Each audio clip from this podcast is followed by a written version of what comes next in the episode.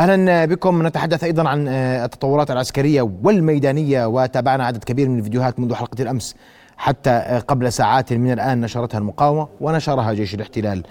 سأبحث كل ذلك وأكثر مع ضيفي نضال أبو زيد الخبير الاستراتيجي والعسكري. مساء الخير نضال مساء الخير وقبل ذلك الضفة الغربية وما يحدث فيها من تطورات مع أسير سليمان. أسير مساء الخير. رؤيا بودكاست. مساء النور. يعني في عموم الضفة الغربية منذ الليلة الماضية مشهد بات معتادا ولكنه أصبح أكثر توسعا أو يصبح أكثر توسعا مع كل ساعة حقيقة منذ السابع من أكتوبر. نتحدث عن شهيدين من مخيم الفوار في مدينة الخليل اليوم. ارتقيا برصاص الاحتلال في مواجهات اندلعت بين قوات الاحتلال والشبان الذين تصدوا لهذه الاقتحامات. أيضا مخيم نور شمس في طول كرم شهد اعتداءات واسعة واقتحاما كبيرا. فجرت خلاله قوات الاحتلال خمسة منازل وشردت أصحابها في مخيمات مدينة أريحة أيضا تم اقتحامها ليلة أمس. اعتقالات أكثر من 55 حالة اعتقالات في مختلف أنحاء الضفة الغربية من بينهم القيادية في الجبهة الشعبية والأسيرة السابقة خالدة جرار. ضمن حملة الاعتقالات هذه نتحدث عن أكثر من 4700 معتقل جديد بعد السابع من أكتوبر. جميعهم قاسوا ظروف الاعتقال الصعبة بوضعها الجديد وبإجراءات الاحتلال الجديدة والتصعيدية. في قرية أو إحدى قرى جنوب مدينة نابلس دمر الاحتلال على الأقل سبعة بيوت قام بهدمها وشرد سبعين فلسطينيا من قاطني هذه المنازل. كما قام باعتقال العشرات كما ذكرت من أنحاء مختلفة في الضفة الغربية ونكل بهم وأجرى تحقيقات ميدانية أثناء حملات الاعتقال. وضع الضفة الغربية منذ السابع من أكتوبر على جميع الأصعدة هو وكأنها كتلة لهب تستمر بالاشتعال. اليوم يحاول الأهالي حتى اليوم وبعد السابع من أكتوبر واشتداد الظروف أو ظروف الأسر على الاسرى يحاول الحراك الشعبي ممارسة مزيد من الضغط سواء على هيئات الاسرى والمؤسسات المعنية بشؤون الاسرى والمؤسسات الدولية كالصليب الأحمر وغيرها أو على العالم والمجتمع الدولي لربما تنفيذ تحرك أوسع تجاه قضية الاسرى وما يحدث. لهم كانت هناك مسيرات واسعة موحدة في جميع المدن والمحافظات الفلسطينية في تمام الساعة الثانية في مراكزها بالتحديد نعم. تنديدا بالعدوان على قطاع غزة وإسنادا للأسرى وأهلهم نعم. أشكرك كل الشكر أسير سليمان كنت معنا مباشرة من رام الله. شكرا لك أسير. أعود ضيفي نضال أبو زيد وأبدأ من الفيديوهات اليوم التي انتشرت منذ ليلة الأمس حتى ساعات قليلة من من بداية حلقة هذه الليلة. وأسمع تعقيبك عليها. وبدي أسمع منك إجابة واضحة على سؤال لماذا يريد أن يغير جيش الاحتلال من خططه العسكرية في قطاع غزة في هذه الليلة؟ نبدأ بالفيديوهات ونبدأ بداية من مشاهد التوغل والتلاحم في مدينة غزة، هذا الفيديو اللي يعني استغرب كثيرا عشان أكون مع الدقيق. نعم. الدبابة موجوده ما لم لم يحرك أحد ساكنا. نعم. وتحرك المقاوم إلى جانب الدبابة قطع شارع مش إنه والله جنبها. صح؟ هناك تساؤلين على هذا المقطع تفضل. والحركة واسمح لي وممكن مع يعني وضعت ال ال ال المتفجرات؟ نعم. والدبابه تحركت. نعم. حاول التحرك بعد هذه صحيح. لحظه تفضل. هناك تساؤلين على هذا المقطع. يبدو أن المراقب شده كثيرا هذا المقطع أنه أين الجنود الإسرائيليين؟ يعني معقول ما ما شافوا المقاوم؟ أثناء تحركه اثناء وصوله إلى المدرعة بالمناسبة عند هذا المقطع أود أن ألفت أنه دبابة المركافة وهي نعم. هذه الذي الدبابة يوجد فيها من الداخل شاشات مربوط فيها كاميرات صغيرة على بدن الدبابة تستطيع مراقبه مراقبة أي تحركات خارجية وبالتالي بالتأكيد الجنود داخل الدبابة شاهدوا هذا المقاوم عند اقترابه للدبابة وهذا ما يفسر سبب محاولة تحرك الدبابة لكن نحن نتكلم عن دبابة ذات وزن كبير جدا هي المركافه أربعة وبالتالي حركتها لا تستطيع التحرك بسرعة. يعني هذا ما يفسر هاي دبابة في نص مدينة. نعم. مدينة غزة هاي صحيح. هذه الدبابة في شمال قطاع غزة. هذه المنطقة بالتحديد أعتقد أنها إما في جباليا أو في الشجاعية قريبة من الشجاعية وبالتالي وصول المقاوم إلى الدبابة وزرع هذه القذيفة. وبالمناسبة هذا القذيفة من نوع شواظ. التي تصنيع محلي من قبل المقاومة تحتوي على كميات كبيرة هذه العبوة تحتوي على كميات كبيرة من المتفجرات تستطيع تدمير المركبة ولاحظ هنا هو لم يضع العبوة أو عبوة شواظ لم يضعها على جانب الدبابة. هو عرف أين سيضع العبوة تحت الدبابة مباشرة وهي أضعف نقطة في الدبابة وليس ذلك فقط هو وضعها تحت الدبابة من الجهة الخلفية لأنه يعرف, يعرف تماما أن قذائف الدبابة هي موجودة في الجهة الخلفية من الدبابة وبالتالي نحن نتكلم عن 67 إلى 70 قذيفة موجودة داخل الدبابة حتى تقوم الدبابة برماية هذه القذائف. وبالتالي منطقة أو مكان وضع القذيفة ليس عبثيا تحرك المقاوم ليس عبثيا وبالتالي لا زلنا نؤكد أن المقاومة تعرف أين أهدافها وما هي أهدافها وأين ستضع آه، آه، أسلحتها وذخيرتها حتى تحقق نتائج ضد المقاومة. نعم. أنصر الجنود في هذا المقطع لاحظ مدى ضيق هذه الفتحة التي وضعت في غطاء موجود على الشباك هذا الغطاء حتى يحمي تحركات الجنود داخل المنزل. ومع ذلك هذه الفتحة الصغيرة لمراقبة القناصين من جيش الاحتلال مع ذلك نجحت المقاومة باستمكان جنود الاحتلال داخل المنزل وقنصهم داخل المنزل من فتحة القناص الاسترا... من جن... من جنود الاحتلال داخل آه هذا المنزل. وبالتالي يعني جميع هذه التكتيكات وجميع هذه الحركات التي تقدمها المقاومة هذه حركات محترفين. هذا ليس عبثيا وتكتيكات مدربين آه بشكل جيد. هنا أيضا كذلك لاحظ عملية تستير الشبابيك وعملية الفتحة الصغيرة. وهذه الفتحة بالمناسبة تعمل من أجل الاستمكان من قبل قوات الاحتلال. قناص من قبل قوات الاحتلال وبالتالي نجحت المقاومة برصد قوات الاحتلال وتفجير المنزل من داخل الفتحة الصغيرة. لاحظ الدقة. لاحظ لاحظ الدقة التي استخدمت من قبل المقاومة. وبالمناسبة هذا المقطع لم يتم تصويره وبثه مباشرة. لاحظ التحركات التي حدثت. بالتأكيد تم تصويره وتم عمل مونتاج له وتم عمل بعض التقنيات الفنية. لاحظ عملية التسريع والتبطيء ثم إعادة الصورة. هذه دخل عليها عمليات فنية وبالتالي لا تزال أيضا آه، مركزية الإعلام لدى المقاومة متماسكة وتستطيع إنتاج صورة إعلامية. يبدو أنها تعكس الصورة الإعلامية الحقيقية على أرض الواقع. أود أن أشير إلى هذا المقطع فيما نعم. يتعلق آه، بالأسلحة. هذه الأسلحة الموجودة لدى اكتسبتها المقاومة من قوات الاحتلال. لاحظ بدن الرشاش. البدن وأخمس الرشاش من الأعلى. هذا اللون النحاسي الذي يظهر على النح... على ال...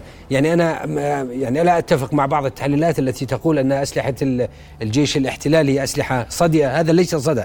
هذا اللون النحا... النحاسي الموجود على الأسلحة من كمية الذخيرة التي ترمى من الأسلحة والتي تنتج عنها حرارة عالية جدا على السبطانة وعلى بدن الرشاش. لذلك يتحول بدن الرشاش آه، إلى اللون النحاسي وبالتالي هذه الصورتين تعطي مدى كمية الرماية الكبيرة جدا والذخيرة الكبيره الكبيرة جدا التي تستخدمها قوات الاحتلال إذا ما ربطنا هذه الصورة برشاش واحد أو بسلاح واحد استخدمه قوات الاحتلال. جماعة الكرام نستعرض صور الأسلحة التي لدى المقاومة والتي سيطرت عليها إثر عملياتها العسكرية داخل داخل في في معركة مدينة غزة. وأنت تقول أن المادة النحاسية أو اللون النحاسي اللون النحاسي نعم. هذا أثر ضرب. هذا ناتج. ولكن هذه الأسلحة مع من تتواجد؟ هذا سؤال مهم اليوم. نعم. هذه الأسلحة الرشاشات هي شبيهة برشاشات الميم 60 الأمريكية لكنها تصنيع إسرائيلي وهذه تتواجد مع قوات النخبة الإسرائيلية. وبالتالي يبدو أن هذه المقاطع في مناطق شمال قطاع غزة. وبالتالي أيضا أن هذه المقاطع الأسلحة يبدو أنها اكتسبت من العمليات العسكرية ضد قوات النخبة في المناطق الشمالية. وأؤكد أن هذه الأسلحة الألوان التي اكتسبتها نتيجة الإفراط باستخدام النار والذي تكلمنا عنه أكثر من مناسبة من نبض البلد وقلنا أن هناك إفراط كبير في استخدام النار. وبالتالي الاكتساب هذا النوع من الأسلحة من قوات نخبة إذا ما تكلمنا أن قوات نخبة تتساقط مثل الورق أمام ضربات المقاومة فما بالك بباقي القوات سواء المدرعة أو قوات المشاة العادية وليست قوات نخبة. أنا أعتقد أن الخسائر آه، أكبر في قوات المدرعة أو حتى في قوات المشاة العادية. إذا ما, قلنا أن الخسائر ترتفع في النخبة وترتفع في ألوية المظليين وإذا ما أخذنا باعتبار أن هناك فرقة مظلين كاملة تقاتل وهي الفرقة 98 موجود معها كتيبة كوماندوز وبالتالي أنا أعتقد أن الخسائر ستظهر آه، بع- بعد قليل وسنسمع كثيرا عن ألوية إحنا اليوم رجعنا. شفنا استهداف دبابات وجرافات. هذا كنا في الفترة الماضية يعني اختفى قليلا. لازلنا نؤكد على أن الدبابات موجودة لكن في شمال قطاع غزة معظم المقاطع التي تكلمنا عنها أنه اختفت. الآليات المدرعة هي في جنوب قطاع غزة بالتحديد في محيط خان يونس شمال وشرق خان يونس. وبالتالي استخدمت الهمفي أو استخدمت سيارات الهمر آه التي تكلمنا عنها يوم أمس بينما المدرعات لا تزال موجودة. السبب في ذلك أن في الشمال هناك فرقتين مدرعات الفرقة 163 مدرعة على المحور الشمالي ال- الشرقي والفرقة 32 على المحور الشمالي ال- الغربي. وبالتالي فرقتين مدرعات لابد أن يظهر هناك دروع. لكن في الجنوب التي تقاتل في خان يونس هي هو, فرقة المظليين 98 وهذا ما يفسر غياب المدرعات جنوبا وظهورها شمال قطاع غزة واستهدافه. ومع ذلك كنا نشاهد آه، آه، قبل آه، أسبوع من الآن كثافة في استخدام آليات المدرعة. النمر ناقلات الجنود أو دبابات المركافة. لكن الآن مع كل ثلاث أربع مقاطع تبث المقاومة نشاهد دبابة أو دبابتين يتم قصها. نعم. وهذا ما يفسر هذه الأسلحة هي أسلحة صناعة إسرائيلية نعم. وهذا اللون ليست أسلحة صدئة بينما أسلحة تظهر كثافة النيران لاحظ اللون النحاسي على بدن الرشاش على سبطانة الرشاش وعلى أخمس الرشاش من الأعلى. هذا الأخمس الأعلى للرشاش. هذا ينتج نتيجة الرماية ال- الكثيفة نعم. وخاصة السبطانة. هذه السبطانة الرماية نعم. الكثيفة التي تنتج حرارة على بدن الرشاش. نعم. نتابع فيديو آخر زملاء ال- ال- الكرام ونتحدث عن استدراج لجنود احتلال. وهذا أمر مهم جدا. تفضل. نعم هذه العملية النوعية هذه التكتيك العصابات النوعي وهذا تكلمنا عنه من نبض البلد كثيرا وقلنا أن المقاومة تحترف في استخدام الكمان وتحترف في استخدام البوبي ترابس وهي مصائد المغفلين. وهذا ما يتم هنا في هذا المقطع هو بوبي ترابس أو مصائد مغفلين. كل عمليات الخاصة أو القوات الخاصة التي تطبق قتال المناطق المبنية أول ما يتم تدريبها واحترافها على هذا النوع من العمليات. استمكان ثم استطلاع ثم جر قوات العدو. ونحن نتكلم هنا عن عن خمس جنود وجرهم إلى داخل ال- ال- المنطقة المبنية إلى داخل منزل ثم تفخيخ المنزل إما بالأبواب أو بالشبابيك أو بالطرقات التي يدخلون لها. هذه عملية محترفة بكل المقاييس. عندما ال- ال- المقاوم يستطلع تم زرع ال- العبوات داخل المنزل تم رصدهم بشكل كبير أعطي طعم لقوات الاحتلال لجرها إلى داخل المنزل ثم تم تفجير المنزل. ولاحظ الطعم الذي وضع هو البرميل الأزرق الذي كان موجود في هذا المقطع ومن ثم جرت قوات الاحتلال.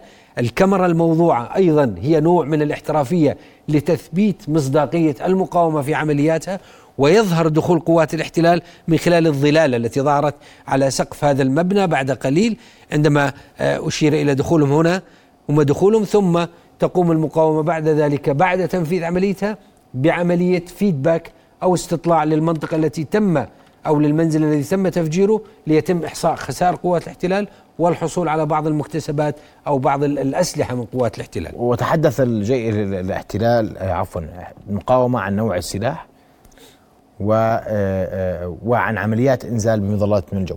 نعم. هذا ال- ال- السلاح هو سلاح الهنيجف آه، هو الرشاش ال- الإسرائيلي وقلت نعم. أنه مشابه لرشاش الميم 60 ال- الأمريكي.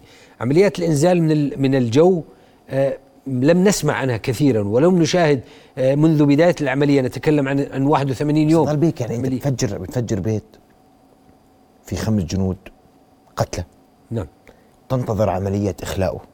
يعني ما أنت ما أخذت الجثث نعم. تركتهم يخلوه.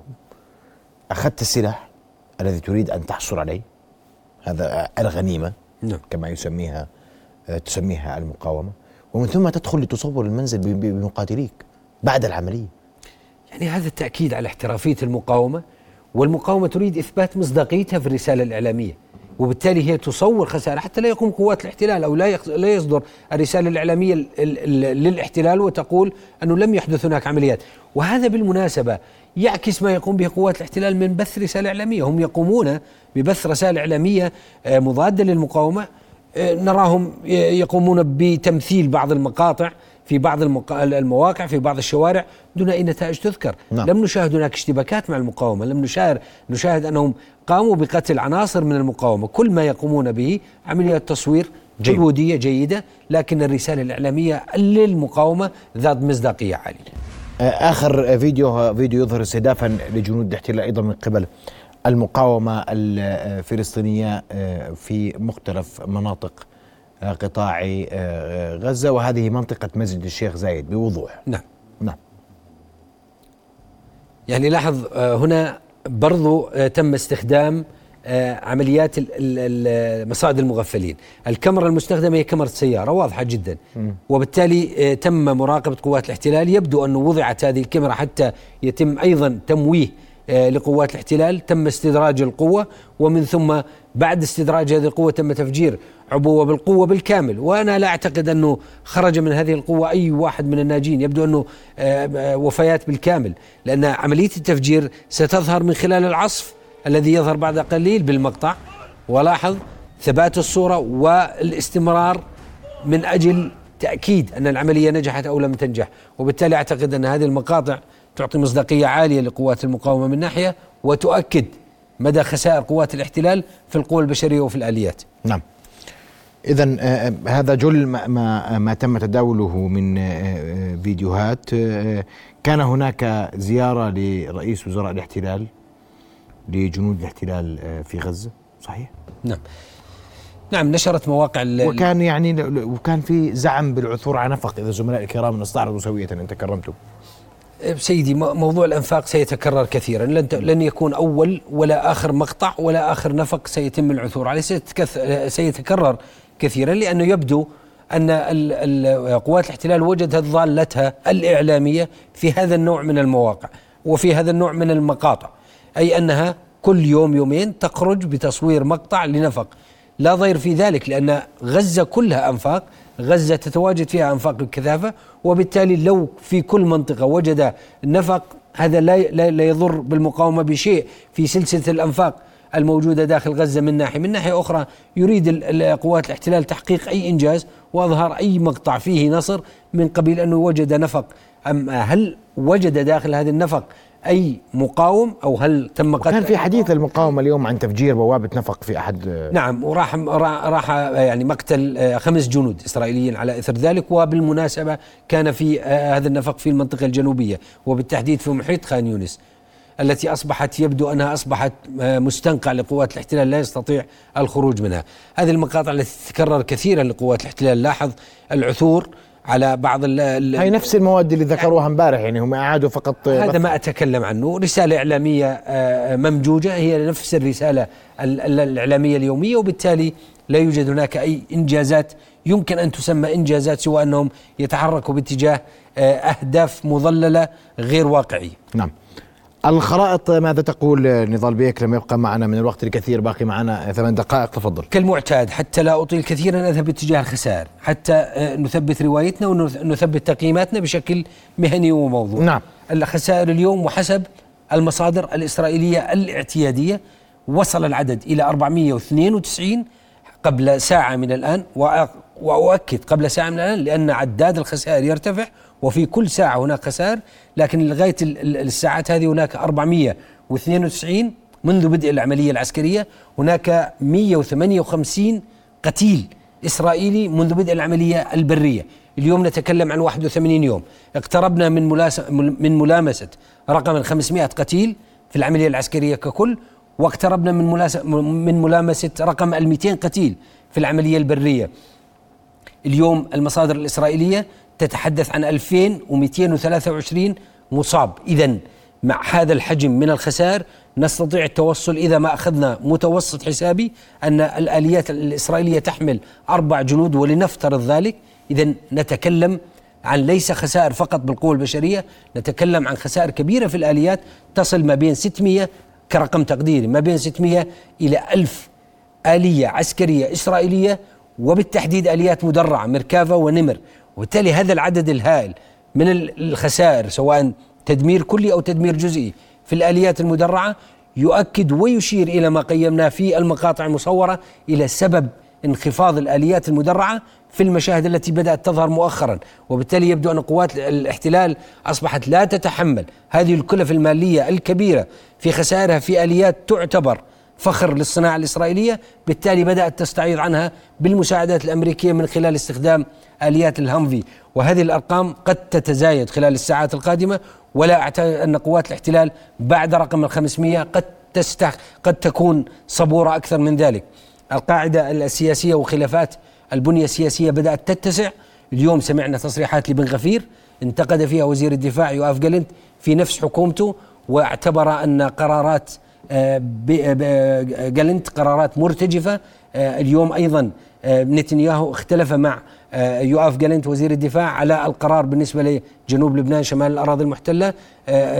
أيضا نتنياهو يريد الالتزام بتعهداته مع الجانب الأمريكي حتى لا تنفلت اتجاه عملية عسكرية. بالتالي بالمجمل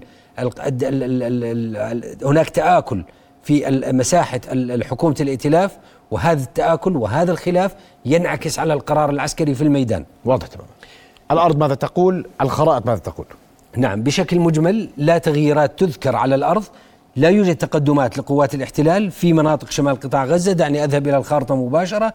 المحاور لا تزال تتحرك في نفس مواقعها. يبدو أن القرار العسكري الميداني لقوات الاحتلال في المستوى التكتيكي يبدو أن هذا القرار تائه تماما. لا تعرف قوات الاحتلال أين تذهب. نراها في الشجاعية وتعلن عن عملية في الشجاعية. ثم ما تلبث أن تتحرك باتجاه العطاطرة. ثم ما تلبث أن تتحرك في بيت حنون. في بيت حنون التي أعلنت عن السيطرة عليها منذ أسابيع. اليوم نشاهد فيها مقاطع مصورة لعمليات عسكرية. وبالتالي لا يوجد سيطرة لقوات الاحتلال في شمال قطاع غزة. والعملية لا تزال تتراوح في المنطقة الشمالية. فقط هنا أود أن ألفت إلى تصريح مهم لوزير الدفاع الإسرائيلي حين قال أننا نواجه مقاومة شديدة وهجوم في سبع محاور قتال رئيسية ولا ولا يوجد مناطق تمكننا من الالتفاف على آه، الأهداف التي نريدها، هذا التصريح وأضع تحته خطين عند نقطة الالتفاف على الأهداف. قلناها أكثر من مرة أن المساحة الخانقة والضيقة من قطاع غزة والتي تقاتل فيها قوات الاحتلال في شمال قطاع غزة والتي لا تتجاوز 80 كيلو متر أي بمعنى ثلث مساحة قطاع غزة الذي يبلغ 362 كيلو متر مربع. في ظل ترف القوات التي تستخدمها في الشمال فرقتين مدرعات وألوية اثنين من ألوية النخبة هذا جعل هناك ضغط على القوات الموجودة. مقارنة الأرض بالقوة مقارنة الجغرافيا بالقوة وبالتالي جعل قوات الاحتلال هدف سهل للمقاومة في شمال قطاع غزة. نعم. أذهب جنوبا بالتحديد باتجاه خان يونس الخارطة الظاهرة أمامنا تشير إلى مناطق المناورة وليست مناطق السيطرة. هذه المنطقة التي آه، تبدأ من كوسوفيم. لا تزال قوات الاحتلال تناور فيها. المنطقة الجنوبية باتجاه محور صلاح الدين الجنوبي لا تزال تناور فيها. لا يوجد أي تقدمات تذكر باتجاه خان يونس. خان يونس المستنقع الكبير لقوات الاحتلال ويبدو أن قوات الاحتلال تريد الدخول إلى خان يونس واستكشاف خان يونس. على اعتبار أن هناك معلومات استخبارية عن وجود آه، آه، الكيترين أو المناطق الحاكمة ومناطق القيادة والسيطرة. اللي كانت المفروض في مدينة غزة. تمام. اللي بعدين كانت في الشجاعية. تمام. مش ملاحقين وين في يعني؟ وبالتالي يبدو أن مسلسلات الخسائر الإسرائيلية تتكرر ومسلسل الهزائم الإسرائيلية لا يزال يتكرر وأنا أعتقد أن تهشيم شكل العملية العسكرية آه، آه، مرده هو فقدان القرار السياسي وبجملة أخيرة فقط دعني أشير إلى نقطة أن في كل الأعراف العسكرية هناك ما يعرف في كل الخطط العسكرية نقطة القرار أو نقاط القرار. هذه نقاط القرار توضع في الخطة العسكرية بأن القوات إن وصلت إلى النقطة الفلانية أو إلى الهدف الفلاني يجب أن تتخذ القرار الفلاني. ما نراه على الأرض في الخطة الإسرائيلية أن نقاط القرار تائهة تماما ولا تعرف قوات الاحتلال أين تذهب في عملياتها المائعة التي لا يبدو أنها لا تعرف آه، أين اتجاهات الأهداف نتيجة لفقدان عنصر الاستخبارات في هذه العملية. المتحدث العسكري باسم جيش الاحتلال يقول أنه آه، اليوم آه، قتل تسع جنود في معارك يسميها هو الدفاع عن إسرائيل وهي معارك قطاع غزة. هذا يضاف إلى قائمة الأرقام التي يعني تصدر منذ الصباح عن إصابات وقتلى جنود الاحتلال في هذا اليوم. السؤال الأخير لماذا يغير جيش الاحتلال عملياته بعجالة؟ غدا نشرحها أكثر على الخرائط والواقع العسكري. نعم. الخسائر الموجودة في قوات الاحتلال التهشيم لشكل العملية لشكل الوحدات العسكرية فقدان القيادة والسيطرة في جسم العملية في جسم الوحدات العسكرية دفع قوات الاحتلال لضرورة اتخاذ قرار بأنه يجب إما وقف العملية العسكرية أو أو الذهاب اتجاه إعادة هيكلة هذه الخطة. تفاصيلها سيدي نتكلم عنها يوم أمس. نعم. أشكرك كل الشكر نضال ابو زيد الخبير الاستراتيجي والعسكري على وجودك معنا هذه الليلة. شكرا جزيلا لك. كل الشكر رؤيا بودكاست.